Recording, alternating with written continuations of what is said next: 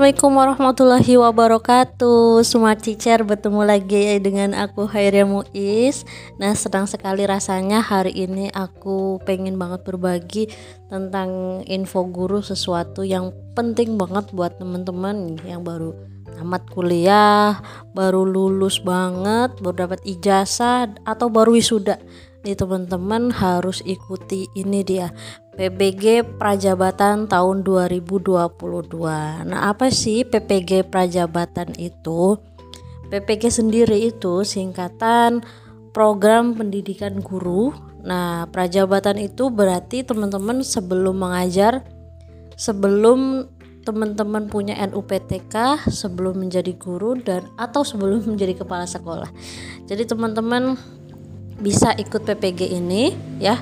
Bagi teman-teman yang lulusan S1 atau akte 4 ya D4 ya bisa banget ikut PPG Prajabatan ini.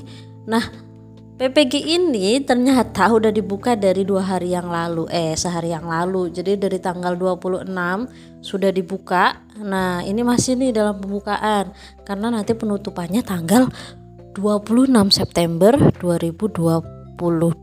Masih masih ada waktu sekitar sebulan lagi untuk untuk menyiapkan banyak gitu banyak persyaratan jadi yuk kita ikuti.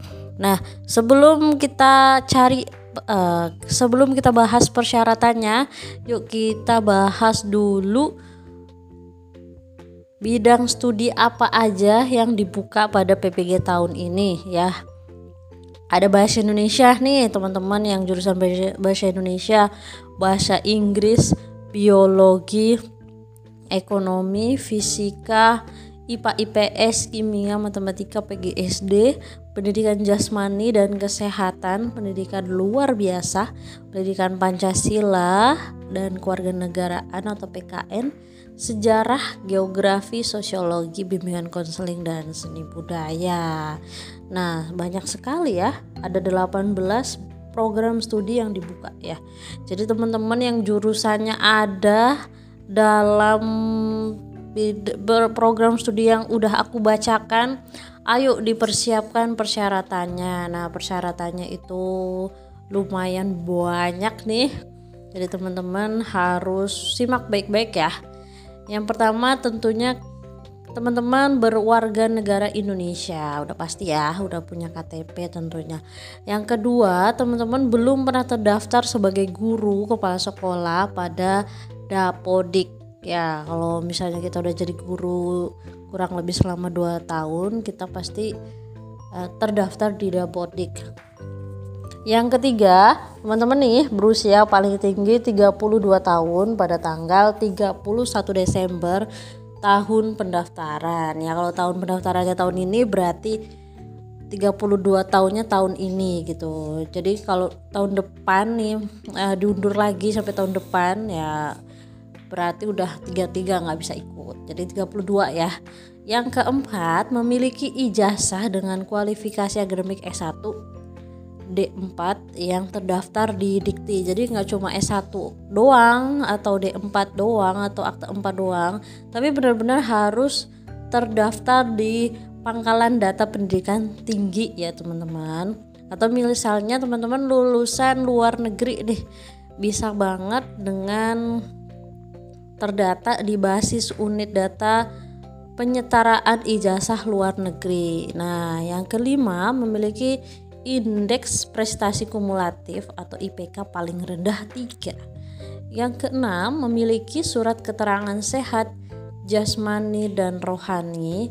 Nah, ini bisa teman-teman dapatkan di RSC, Rumah Sakit TNI. Nah, tapi ini diserahkannya pada saat lapor diri atau Misalnya teman-teman udah lulus nih nanti. Nah, yang ketujuh memiliki surat keterangan berkelakuan baik. Ini diserahkannya pada saat lapor diri juga. Nah, surat berkelakuan baik ini didapatkannya di Polres ya, teman-teman ya.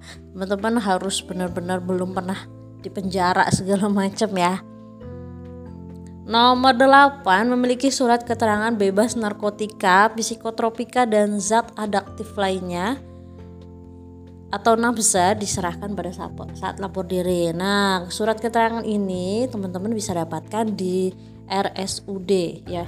kalau dulu waktu aku uh, daftar CPNS minta ke surat ini di RSUD kalau sekarang kayaknya masih sama di RSUD. Yang kesembilan menandatangani fakta integritas. Yang kesepuluh mengikuti tahapan seleksi administrasi substansif dan tes wawancara. Nah teman-teman ada tiga tes yang teman-teman bakal hadapi di di PPG Prajabatan tahun 2020 ini 2022 ini. Nah, tiga tes te tersebut yang pertama itu seleksi seleksi substansif nah apa sih seleksi substansif itu? Nah seleksi substansif itu eh enggak yang pertama tes administrasi. Maaf maaf maaf. Yang pertama itu tes eh, seleksi administrasi. Itu biasanya teman-teman mengunggah berkas atau persyaratan ba, e, biasanya dilakukan secara online. Jadi nanti mengunggahnya di di scan gitu kayak surat lamaran atau eh surat lamaran kayak misal ijazah gitu di upload di SIM PKB ya Sistem Informasi Manajemen Pengembangan Keprofesian Berkelanjutan atau SIM PKB. Nah, yang kedua sel seleksi substansif meliputi seleksi penguasaan kontes, tes kemampuan dasar literasi dan numerasi yang dilaksanakan secara offline ya. Nah, ini berlaku ketika teman-teman sudah lulus tahap administrasi atau seleksi administrasi udah lulus nih. Jadi nanti kalau udah lulus akan lanjut ke seleksi substansif. Nah, seleksi ini secara offline nanti teman-teman kayak tes CPNS begitu menggunakan aplikasi chat eh, ANBK ya, asesmen berbasis komputer.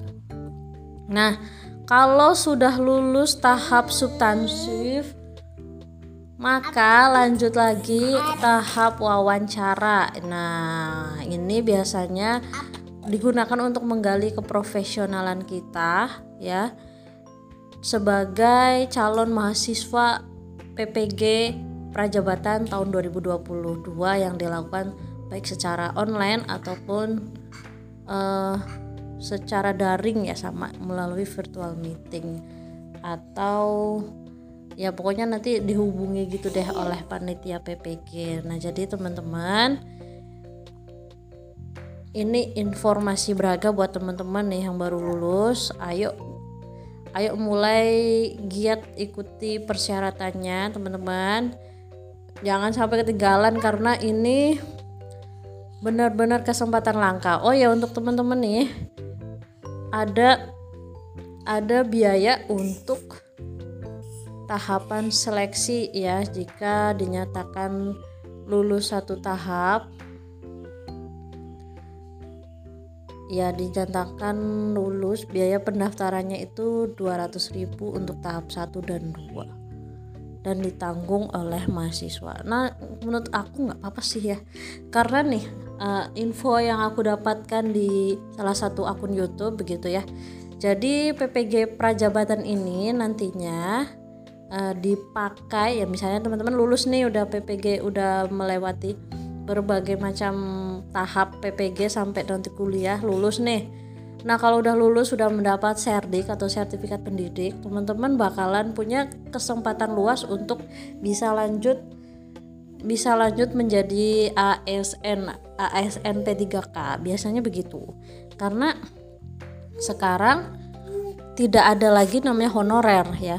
Honorer itu bakal dihapuskan seperti itu. Jadi ini kesempatan teman-teman nih kesempatan laka jadi kuliah lagi lanjut profesi ini PPG ini dapat serdik setelah dapat serdik udah aman nanti bisa mengajar di sekolah dan bisa lanjut lagi untuk menjadi ASN mau nanti ASN diganti namanya jadi P3K atau apa nanti bisa lanjut ya teman-teman. Sekian sharing hari ini. Terima kasih udah dengerin. Wassalamualaikum warahmatullahi wabarakatuh